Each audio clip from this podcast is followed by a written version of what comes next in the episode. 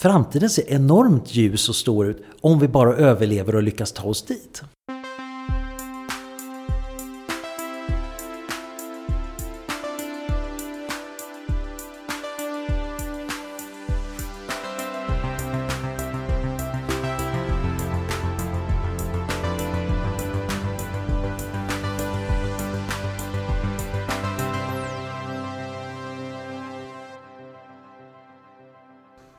Jag tror vi rullar igång helt enkelt. Eh, det här är Heja Framtiden med Christian von Essen och idag är vi på Arkdes. Och jag sitter här med Anders Sandberg. Välkommen. Tack så mycket. Vi kan börja med att etablera varför du är här. För att du är här för att eh, inviga en eh, ny framtidsutställning som heter The Future Starts Here. Varför är du med i den här utställningen och kan vi kort berätta vad den går ut på? Ja, utställningen handlar ju om framtiden sedd i olika föremål då. Både normala ting som är futuristiska men också vad designers har gjort för att tänka på framtiden. Och jag har donerat ett föremål till den här utställningen. Och det är då ett metallarmband med medicinska instruktioner. Så jag har ett kryonikkontrakt. Instruktionerna är en beskrivning för läkare att om de inte kan rädda mig medicinskt så lägg på isbitar, ge hjärtmassage, injicera allt heparin du kan göra, ring det här numret i Amerika för att jag ska frysas in i förhoppningen att kanske i framtiden kan man fixa det som tog koll på mig.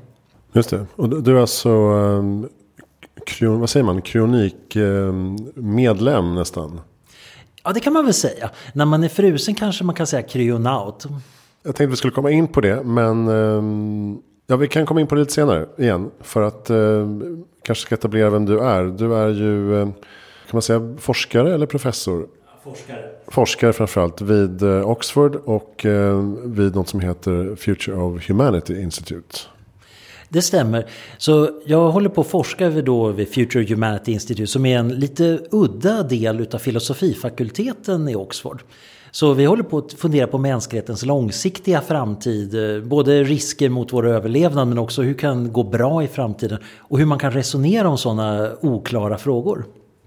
För jag förknippar ju främst med liksom existentiell risk och globala katastrofer och sådana saker. Blir det konstig stämning när du berättar sånt på middagar? Ja, det, globala katastrofer å ena sidan sprider väl kanske lite en förstämning men å andra sidan älskar folk en bra eh, apokalyps. I många fall så är det ju inte lika kontroversiellt som när jag börjar tala om livsförlängning och att förbättra människan. Då blir många mycket mer upprörda. Just det, då tycker de det är lite obehagligt. Ja, det är lite lustigt att vi tycker det är så skönt med tanken eh, på att kanske allting tar en enda lykt. Eh, liksom. Medan, oj, framtiden kanske bara fortsätter bli konstigare och konstigare. Det gör många väldigt nervösa. Och när det gäller då X-risk som det kallas, eh, existential risk. Vad är det ni tittar på? Eh, vi intresserar oss egentligen för hela spektrat. Delvis frågar om vad är en existentiell risk? Vad är egentligen, hur, hur dåligt är det att eh, bli utdöd? För filosofer är det en intressant fråga. Men också hur kan man resonera om det? Hur kan man göra riskbedömningar? Och ganska mycket av vår forskning handlar om specifika X-risker som vi försöker hitta sätt att reducera. Och vilka typer av risker kan det handla om då? Mycket av vår forskning handlar om artificiell intelligens. Det, vår director Nick Boström skrev ju då boken om superintelligens. Och vi har både teknisk AI-säkerhet där vi försöker fundera på hur kan man få kraftfulla maskiner som kanske är smartare än oss att ändå hålla sig på mattan och uppföra sig på ett sätt som är kompatibelt med människor. Men vi har också forskning om AI-policy. Även om vi kom på den tekniska lösningen, hur övertygar vi USA och Kina om att de borde ha de här säkerhetsåtgärderna? Hur överför man den forskningen till eh, det verkliga livet så att säga? Eh, en del av den är ju väldigt teoretisk AI-forskning men vi har ganska bra samarbete med en del AI-företag som eh, håller på. Ofta består det i att vi pekar på problem, ingenjörer säger det där är inget problem, det där kan jag fixa. Sen kommer de tillbaka och inser att det var lite svårare än vad de trodde. Och så börjar vi peta i problemet tillsammans. Och ibland eh, är filosofiska anslag förvånansvärt användbara mjukvaror och ibland kan filosoferna lära sig en hel del av programmerarna. Det är någonting som kommit fram i podden mer och mer att man måste ha ett liksom tvärvetenskapligt tillvägagångssätt och förhållningssätt till, till framtidsfrågor. Tror du att, eh, håller filosofin på att få en eh, storstilad renässans? Ja, filosofin har ju alltid suttit där i bakgrunden. En gång i tiden var ju filosofi så att säga det enda. Sen bröt sig då naturfilosofin ut och blev naturvetenskap och fick bra mycket bättre budget och got its act together. Det är ju i allmänhet så att när vi inte vet vad vi håller på med, då är det filosofi. När vi väl börjar fatta det, då blir det psykologi, ekonomi, sociologi och man lämnar filosofin bakom sig. Men filosofin är ju väldigt användbar för de områden där vi ännu inte har kommit på hur man egentligen hanterar det. Och många av de här tvärvetenskapliga frågorna kräver ofta ett litet filosofiskt anslag. Mm. När ni forskar och tänker på de riktigt långsiktiga framtidsscenarierna. Hur gör man det på ett trovärdigt sätt? Hur kan man extrapolera samtiden och tänka liksom tusentals år framåt? Vad är det som blir, eh, när blir det trovärdigt? Att säga? Eh, jag tror att det blir trovärdigt när du har ett system du kan göra någorlunda förutsägelser om. Så om du frågar mig hur börsen står nästa år så har jag inget rimligt svar att eh, ge. Eh, om du frågar mig men vilka värderingar kommer att vara viktiga om 30 år jag kanske kan ge en dimmig sociologisk ansats men det kommer inte vara särskilt pålitligt. Men om du frågar mig vilka solförmörkelser kommer hända år 3000 så är det egentligen bara en fråga om räknande. För himlakropparnas rörelser är väldigt förutsägbara. Så vissa saker går att förutsäga väldigt väl långt in i framtiden därför att man kan basera dem på naturlagarna. Vi kan säga en hel del om vad som kommer hända med solen och jorden eh, om miljarder år in i framtiden. Det går alldeles utmärkt att göra förutsägelser om att Vintergatan och Andromedagalaxen kommer att kollidera om några miljarder år och till och med göra en del beräkningar om vad som händer där. På samma sätt så finns det vissa former av teknik som vi kan säga det där är nog uteslutet baserat på naturlagar vi förstår ganska väl. Evighetsmaskiner är ett bra exempel. Medan en del annat kan vi säga, vi kan inte bygga en sån maskin. Men vi kan visa, baserat på naturlagar som vi förstår väl, att skulle vi bygga sådana där nanomaskiner så skulle de fungera. Så i det fallen så kan vi göra ganska rigorösa förutsägelser. Sen är ju frågan, skulle någon någonsin bygga den där maskinen? Det kan vi inte säga, men vi kan visa att det finns en sån möjlighet och vi kan se liksom rummet av framtider som är möjliga. Just det, men blir det mycket rymdforskning besläktat då med, om man tänker far future-forskning? Eh, I det riktigt långa loppet så måste vi ju ändå flytta ut i rymden. Eh, jordens biosfär håller förmodligen bara någon miljard år till. Även om vi sköter oss eh, exemplariskt liksom med allmän hållbar utveckling och sådär. Så om någon miljard år så har solens ljusstyrka ökat så pass mycket att biosfären kraschar. Och visserligen tror jag ju att vi båda har ett moraliskt skäl att försöka rädda biosfären och sånt. Men eh, jag tror också att det är en ganska vettig idé att flytta ut i rymden. Men om ungefär 5,2 miljarder år så blir ju solen röd jätte och då behöver man nog lämna solsystemet för det blir ganska tråkigt här annars. Men tror du att äh, människan som art äh, finns kvar om 5 miljarder år? Jag skulle bli väldigt förbryllad om man hittade människor som såg ut exakt som oss om 5,2 miljarder år. Samtidigt som det inte är helt absurt. För anta att vi bestämmer oss envist att vi ska vara människor. Då skulle det ju gå att göra. Man skulle behöva hålla genetisk kontroll eh, och se till att vi inte evolverar till någonting. Jag tror väl det mer troliga är att ja, över sådana tidsrymder så dels naturlig evolution skulle göra att vi förändras. Även om vi inte har någon särskilt stark selektion åt ett eller annat håll. Och sen naturligtvis våran teknik låter oss ju modifiera oss själva på en massa sätt. Så att jag skulle bli väldigt förvånad om vi ens var den nuvarande arten om några tusen år. Men du som är så insatt i eh, problematiken kring existentiell risk och globala katastrofer. Ser du fortfarande eh, positivt på framtiden? Eller kanske ännu mer för att du vet exakt vilka problem som finns? Oh ja, jag är hur optimistisk som helst om framtiden. Och det är därför jag intresserar mig för de där katastroferna som skulle kunna sabotera det. Om framtiden bara var, meh, vi får lite flygande bilar och mer nedsmutsning då kanske det inte skulle vara riktigt lika mycket värt att försöka rädda den. Men det ser ut som vi egentligen kan ha en otroligt ljus och stor framtid. Det ser ut som vi kan överleva som art, eller som nya arter, under enormt lång tid. Det ser ut som att det går att ge sig på stora problem, att uppnå fantastiska nivåer utav lycka och välstånd och eh, djupa tankar. Kort sagt, framtiden ser enormt ljus och stor ut om vi bara överlever och lyckas ta oss dit. Ja, sen är frågan när den framtiden är då. Men, eh... ja, eh, ofta, eh, det kommer säkert att om en miljard år så sitter postmänniskorna där och de är med våra mått mätt superintelligenta och lever i oändlig lyx. Och de klagar naturligtvis på att ja, deras Dysonsfär får inte ut riktigt så mycket energi från solen som den ska. Och det är någon server som inte fungerar som det ska. Och de kommer säkert ha massor med vad vi skulle säga lyxproblem som de gnatar över. Och de kan mycket väl oroa sig också för hot som inte vi kan föreställa oss. På samma sätt som vi idag har nya hot som våra förfäder inte kunde tänka på. Så jag tror ju inte att det slutar liksom med något sorts perfekt utopia för evigt. Tvärtom, historien fortsätter.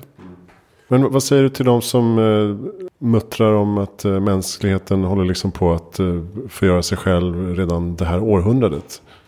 Eh, jo, det är ju ett problem. Vi har egentligen en crunch time just här. Vi har ganska många teknologier som skulle kunna hjälpa oss men också i sig är väldigt farliga. Som artificiell intelligens. Eh, vi får bioteknik som å ena sidan kan bota en massa sjukdomar och kanske hjälpa oss förbättra oss. Men också tillåta en massa hemska biovapen. Så det här århundradet kommer ju förmodligen ha väldigt mycket historia på gott och ont. Och det betyder att vi behöver verkligen tänka framåt. Kanske inte nödvändigtvis år, årmiljarder framåt utan hur fixar vi de nästa 10, 20, 30 åren? Alltså du, ty du, tycker att det är ändå en viktig tid. Eh, det är inte bara något som man hittar på. Utan det, vi står inför någon slags eh, paradigmskifte som vi måste eh, hantera för att gå vidare till nästa platå. Ja, det är ju möjligt att det inte ens är platåer. Alla epoker är viktiga. Men det är ju uppenbart att just nu så är vi i en unik situation att mänskligheten kan förgöra sig själv. Vi har å ena sidan skaffat oss fantastiska möjligheter att föda alla människor på jorden men vi är inte särskilt bra på att distribuera maten.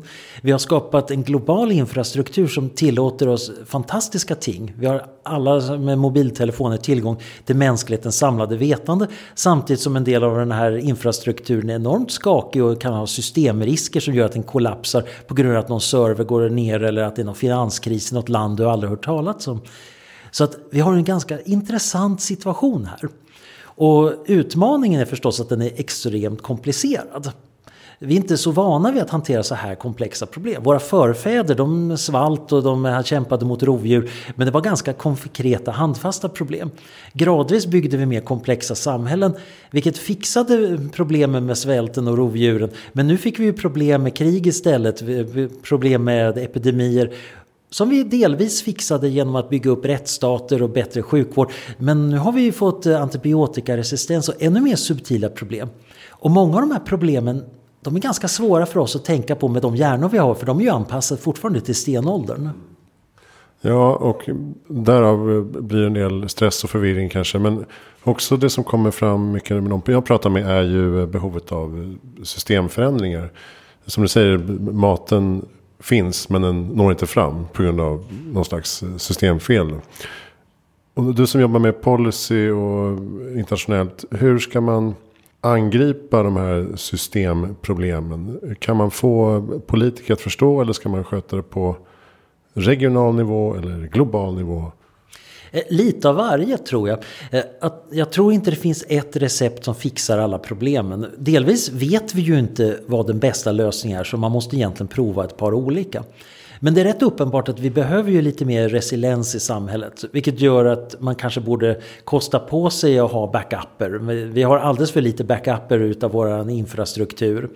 Eh, vi borde tänka på att hitta sätt att förbättra internationellt samarbete, för det behövs uppenbarligen. Men vi måste också hitta sätt att gå runt en massa stela institutioner som ofta ligger mer och hindrar än de hjälper. En av ironierna är ju att eh, genom att ha lagar och stater så skapar vi en massa trygghet. Men de har också svårt att anpassa sig när det är en snabb teknisk förändring. Vi har ju sett det till exempel med internet där deras responser ofta är väldigt långsamma och otillräckliga.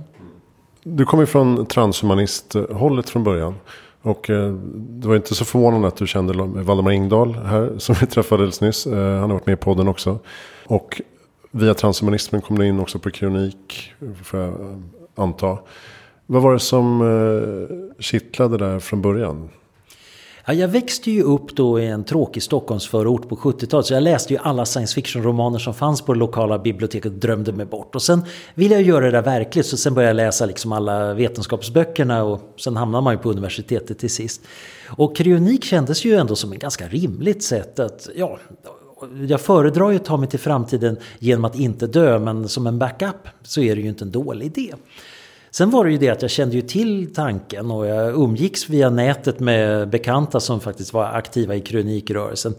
Men det tog ju ett antal år innan jag faktiskt skaffade ett kontrakt. Jag minns att jag hade en diskussion med en kollega i Oxford om kronik och vi hade båda kommit fram till att det var rimligt. Och sen insåg vi, vi hade den här diskussionen ungefär för ett år sedan på den här restaurangen. Ja, och under tiden ingenting har ändrats. Ja, det är ju det här ryktet att Paris Hilton har skaffat ett kronikontrakt. Och då blev den där isande känslan, två stycken Oxford-akademiker kanske är mindre rationella än Paris Hilton. Så då bestämde sig, ah, nu skaffar vi oss nog kontraktet. Så ja, jag har delvis Paris Hilton att tacka för att jag har skaffat kronikontraktet. Och vad eh, innebär kronikontraktet då i, i praktiken? I praktiken innebär det att jag har en livförsäkring som jag då betalar en månadssumma för. Och eh, den ägs då utav det här kronikföretaget. I det här fallet är det då Alcor Life Extension Foundation borta i Arizona. Och sen så eh, skulle jag då dö. Då är idén att då kommer de med ett standby team och så, så snart läkaren har liksom sagt att Anders är död legalt sett så kan de då börja göra en process för att försöka förhindra nedbrytning. Först kyla med is och ge hjärtmassage för att liksom få ner kroppstemperaturen. Sen tillsätta då olika ämnen för att skydda kroppen eh, delvis mot iskristallbildning men också se till att det inte blir blodproppar. Det luriga här är ju att man vill få ner temperaturen under noll utan att det blir iskristaller som förstör vävnaderna. Och det är ganska lurigt. Där behövs då lite speciella antifrysmedel. Vilka naturligtvis också inte får vara för giftiga. När man väl har lyckats få ner temperaturen under noll så att man förglasar vattnet. Eh, då kan man sedan gradvis sänka temperaturen och lagra sen patienten då i flytande kväve. Och det, vid den temperaturen, minus 196 grader, då händer inga kemiska reaktioner. Det händer absolut ingenting. Och då kan man lagra sig liksom i årtionden. Och du har alltså den här eh, medaljongen kan man säga nästan, eh, runt eh, halsen då. Som, som en bricka i in case of emergency så att säga. Eh, just det, det är en sån här standard medicinsk medaljong. Lite som eh, en del som har blödarsjuka har då. Det är, läkare är ganska vana att se sådana här men i det här fallet så höjer de rätt mycket på ögonbrynen när de läser texten. Och eh, om man ska vara ärlig, på den här sidan Atlanten så är det här lite transhumanistisk bling för mig. Eftersom om jag bara fick hjärtattack just nu och hamnade på närmsta sjukhus så skulle de nog stå lite frågande hur man kan göra. Och standby-teamet är ju borta i Arizona så att det är opraktiskt. Men det troligaste sättet jag skulle dö på det är ju att min läkare säger Ja Anders det här ser inte bra ut. Jag fixar mina affärer, eh, ställer dem i ordning. Skaffar en enkel biljett och reser över till Scottsdale, Arizona och tillbringar mina sista veckor på någon hospice. Och sen dör jag av uttråkning för Scottsdale är inte särskilt spännande. Du vill inte ha en spännande omgivning för ditt kryonikinstitut. Och sen kan man då göra en kryonisk nedfrysning. Okej, okay, du har också pratat om, eh, om Schweiz där assisterad dödshjälp är lagligt så att säga.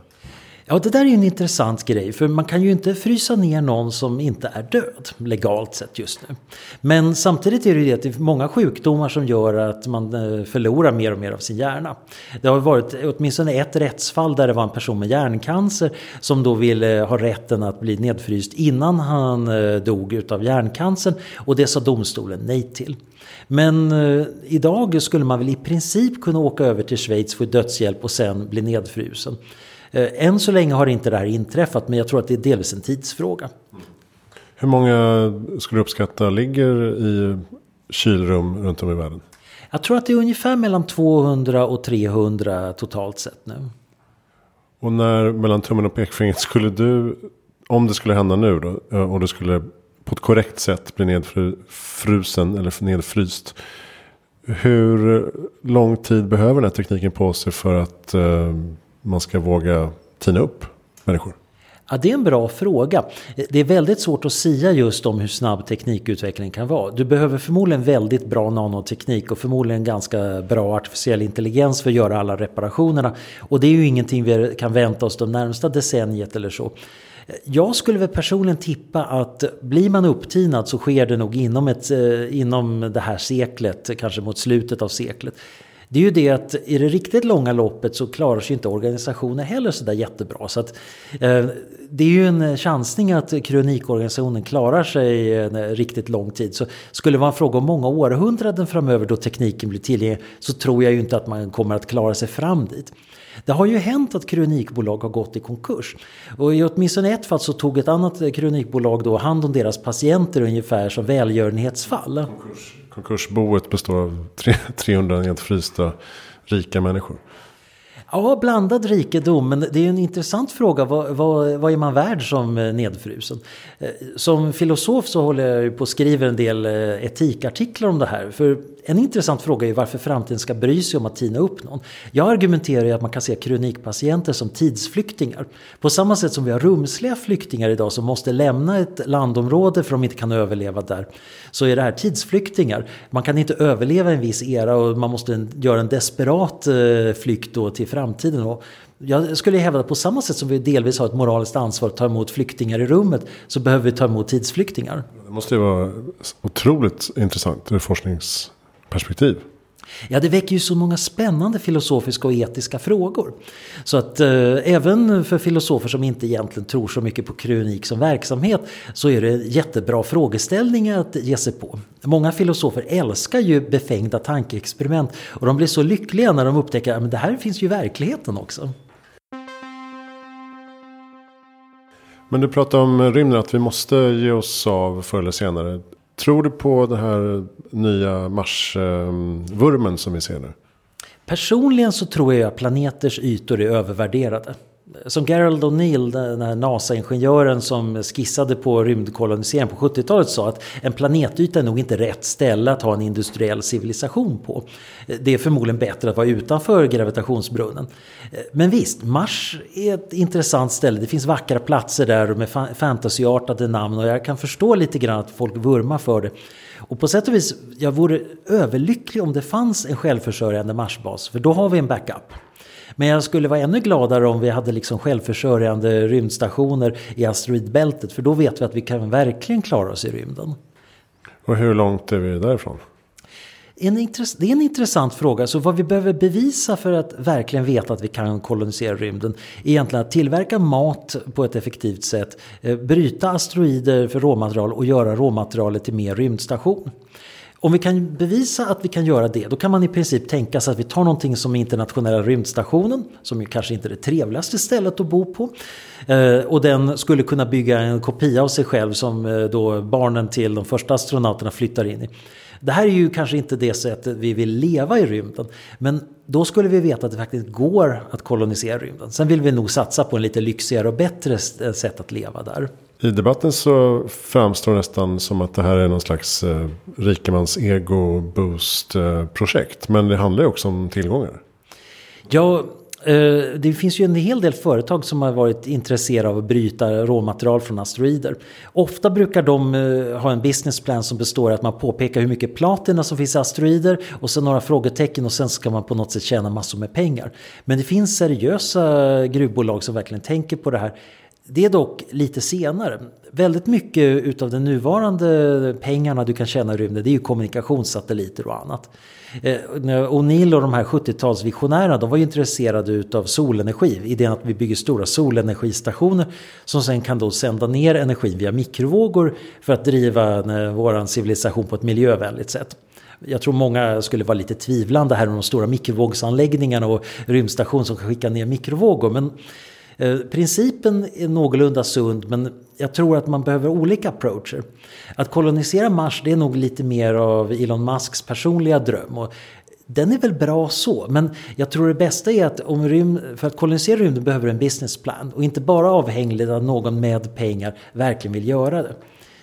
Och det kan mycket väl visa sig att i termer av kostnadseffektivitet för att minska risker för mänskligheten så är faktiskt rymden mindre viktig. Men den är fantastiskt effektiv på att driva visionärt arbete. Till exempel slutna ekosystem för att producera mat är ju egentligen precis det vi vill ha också för katastrofer för olika områden på jorden som kan ha klimatförändringar eller dåliga jordmåner. Men det är ganska svårt att motivera folk till att bygga system av det skälet. Men säger man bara Mars och rymden så blir folk jätteentusiastiska om hydroponik. Så det är mycket möjligt att vi kan utveckla en hel del väldigt användbara tekniker för jorden för det här rymdprojektet. Trots allt, automatisk gruvbrytning, automatiska fabriker för att ta ganska enkla råmaterial och göra sofistikerade produkter av. Metoder att eh, producera mat utan att behöva särskilt mycket jordmån. Det är ju superanvändbart i sig. Ja, det finns ju mycket som eh, mycket rymdteknik som eh, kan komma oss till godo på jorden. Och det, vi ska prata mer om det i ett annat avsnitt faktiskt. Jag tänkte på att du håller väl på och skriver på en ny bok? Det stämmer, jag arbetar på en jättestor bok som jag kallar för Grand Futures. Som just handlar om hur bra och stor kan framtiden bli. Den är lite grann ett syskon då till min kollega Toby Ords bok som handlar om existentiella hot.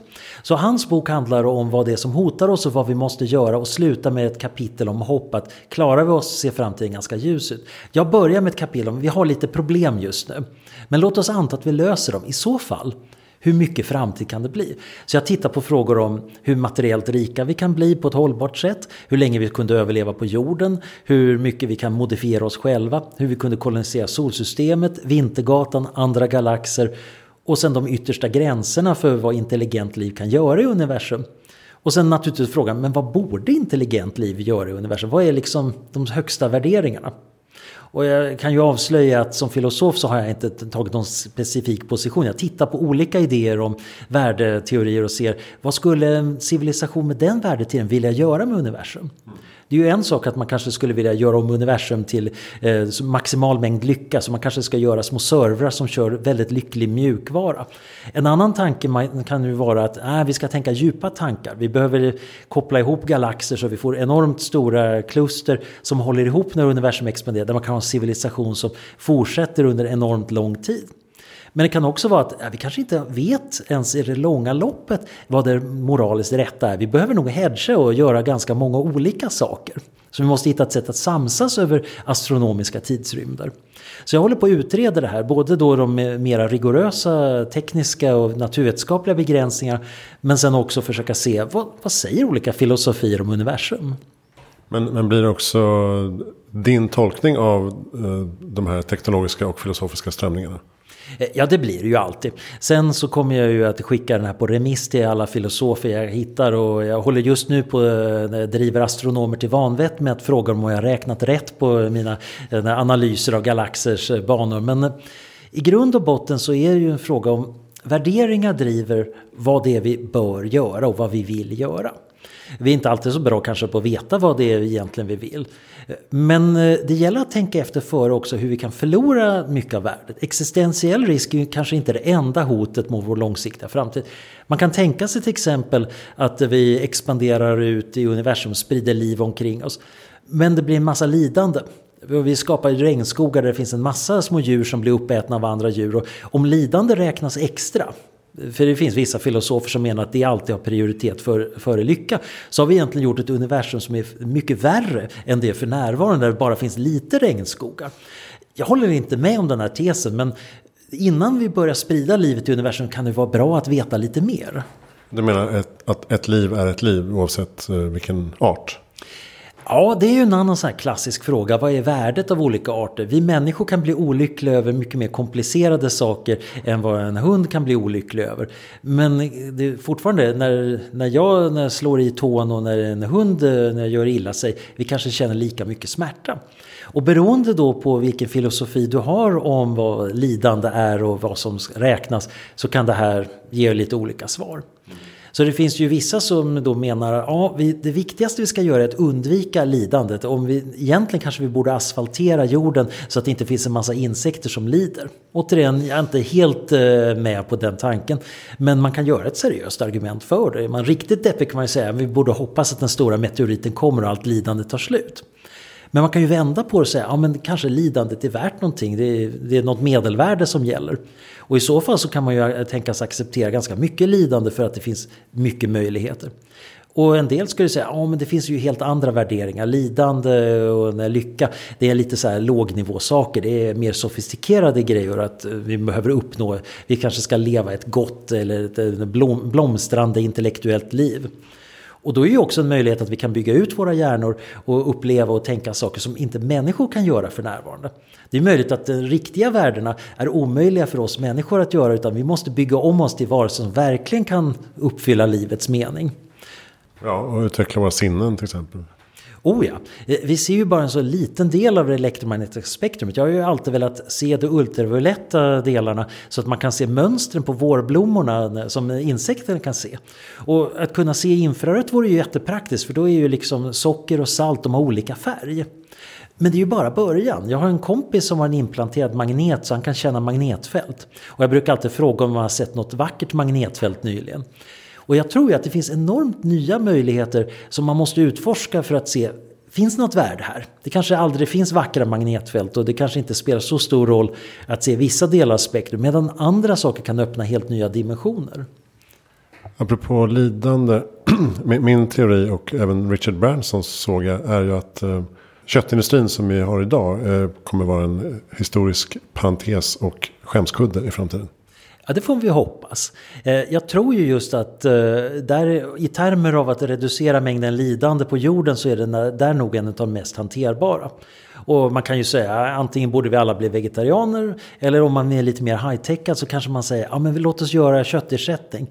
Antingen vegetarisk eller eh, just genom att odla kött på tank. Vilket också leder till naturligtvis spännande kulinariska möjligheter. Det är ju inte bara att man behöver eh, ha liksom vanlig gris och ko där. Nu kan vi börja äta koala och se om det blir gott. Med gott samvete dessutom. Mm.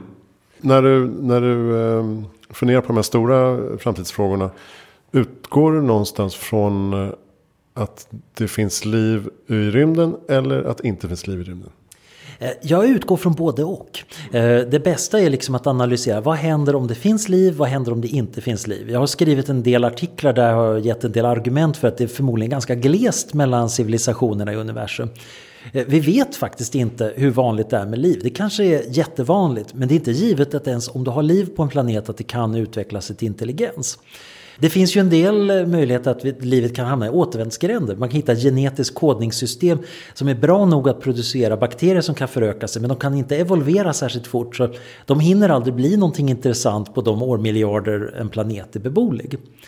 Eh, det här är osäkert i nuläget men om man gör en sannolikhetsberäkning så kan man då eh, få gissningar som tyder på att vi kan vara ganska ensamma. Sen kan man analysera det på olika sätt. Så att i min bok till exempel så tittar jag på vad händer om vi har olika täthet mellan civilisationerna. Om de är väldigt glesa möter vi aldrig någon. Är de ovanliga så kommer vi möta dem först om årmiljarder när vi sprider oss mellan många galaxer och alla är ungefär på samma maximala tekniska nivå. Å andra sidan om det är väldigt vanligt med intelligent liv kan vi räkna med att träffa på dem ganska snart. Kanske innan vi har nått de yttersta tekniska gränserna. Vilket kan leda till stora tekniska skillnader. Så att då tar vi helt enkelt och analyserar de olika fallen. Spännande. När, när tror du att din bok kommer att uh, komma ut? Jag hoppas ju att boken blir klar ungefär före den teknologiska singulariteten. Just nu så känns det å ena sidan väldigt trevligt att skriva. Den blir bara, manuskriptet blir bara längre och längre. Men jag vet att nu måste jag snart börja korta ner den. Så att den kommer ju inte ut nästa år direkt. Det, det här tar sin lilla tid. Och sen får vi väl se om den blir begriplig också. Men just nu har jag mycket råmaterial just för att göra ett seriöst, rigoröst studium av långsiktig framtid. För det är ändå en hel del som man kan säga om det. Svensk kärnbränslehantering gör ju klimatmodeller till exempel för att titta på när nästa istid börjar för att räkna på om taket på lagring av kärnbränsle tål den eller ej. Sådana analyser kan man göra ganska noggrant även om det finns en stor osäkerhet. Så man kan utgå från mycket sånt här för att sen säga lite mer om väldigt långsiktiga framtider. Och sen hoppas jag ju att från där kan man sen vända det tillbaka och fundera på i nuet vad vi borde göra. Så just nu så är väl mina rekommendationer mest att vi ska undvika att eh, ta koll på oss själva för vi är vid starten nu av världshistorien. Vi är precis liksom ute ur grottan och har just börjat göra någonting här. Men det kan också vara att vi behöver fundera igenom lite grann. Vad vill vi göra med universum storskaligt? Det är möjligt att vi behöver så att säga det globala stormötet då mellan eh, alla människor eh, som under kanske eh, hundra år vi diskuterar igenom verkligen vad vi ska göra. Och det låter ju totalt absurt som ett mål för en civilisation idag. Så välkoordinerade är vi inte. Men FN var ju en absurd tanke för 200 år sedan. Då kunde ingen tänka sig att man kunde få ihop alla länder tillräckligt nära så att man kunde snacka ihop utan våld. Så jag tror att vi kan bygga tekniken för att bygga tekniken för att en dag komma fram till vad vi borde göra. Vilket leder mig till en avslutande fråga som jag brukar ställa då. Eh, ditt bästa tips för att göra framtiden bättre? Eh, jag tror att eh, det är att vara nyfiken. Att vara väldigt nyfiken och inte ge sig förrän du faktiskt upptäcker hur saker hänger samman. Och sen tala om det för andra. Eh, för nyfikenheten är också ett bra sätt att få andra att börja koppla ihop sina kunskaper. Vi kan inte bemöta framtiden med ett smalt ämnesområde. Vi behöver eh, filosofer som snackar med datavetare, ekonomer som snackar med fysiker, kemister som snackar med neurovetare. Och för att det ska kunna fungera så behövs nyfikenhet. Och det gäller ju även allmänheten. Allmänheten ska ju inte lämna över alltihopa åt eh, personer i vita rockar eller politiker. Man behöver vara nyfiken på men hur går det här egentligen till? Hur hänger det här ihop? Och inte ge sig förrän man har fått en någorlunda bra svar på frågan. Mm, bra. Vad har du för bra lästips eh, förutom din egen framtida bok om framtiden? Eh, om man gillar det här med existentiell risk och sånt så är Global Catastrophic Risks eh, av Nick Boström och eh, Milan Sirkovic en jättebra genomgång utav de, många av de stora riskerna och hur man kan resonera om dem. Sen Nick Boströms bok eh, om superintelligens är ju allmänt intressant för att, eh, att försöka titta just på varför är det ett problem med superintelligenta maskiner och vad kan vi göra åt det. Sen så tycker jag ju också att det är jättespännande med science fiction. Man kan ju ta det för vad det är men eh, i många fall kan det tänja på hjärnan. Så han nu Ryan Jemis eh, The Quantum Thief är en helt fantastisk skildring av eh, ja, lag och brottslighet efter singulariteten. Du nämnde singulariteten. Vad, är, vad är era kafferumsindikationer på när den skulle kunna inträffa? Ja, våran syn är att den är väldigt svår, eh, svårförutsägbar. Vi vet inte om du kan ha en teknologisk singularitet eller inte. Ofta brukar vi mer tala om intelligensexplosion för det är det som intresserar oss. Att du har en maskin eller en grupp människor och maskiner som gör sig själva smartare och sen kan de göra sig ännu smartare och så vidare. Och å ena sidan så vet vi att förutsägelser i det förflutna på sådana här områden har varit helt usla. Och vi har goda skäl att tro att förutsägelser inte duger. Så man ska ha en ganska brett anslag. Det kan hända förvånansvärt snart. Men det kan också visa sig ta förvånansvärt lång tid. Så det, det bästa är liksom att eh, tänka att du har en ganska bred spridning. Det här betyder ju att från en AI-säkerhetsperspektiv man kanske behöver skynda på för det kanske går snabbare än man räknar med. Men vi ska nog hoppas att det tar sin lilla tid. Men utgår ändå från att det är oundvikligt? Nej, det tror jag inte. Till att börja med så kan vi ju liksom gå under på grund av att eh, Trump trycker på fel knapp på skrivbordet och sådana saker. Så att, eh, det finns ju risker som eh, definitivt gör att vi skulle kunna missa den. Sen är det ju inte helt självklart vad en teknologisk singularitet egentligen skulle vara.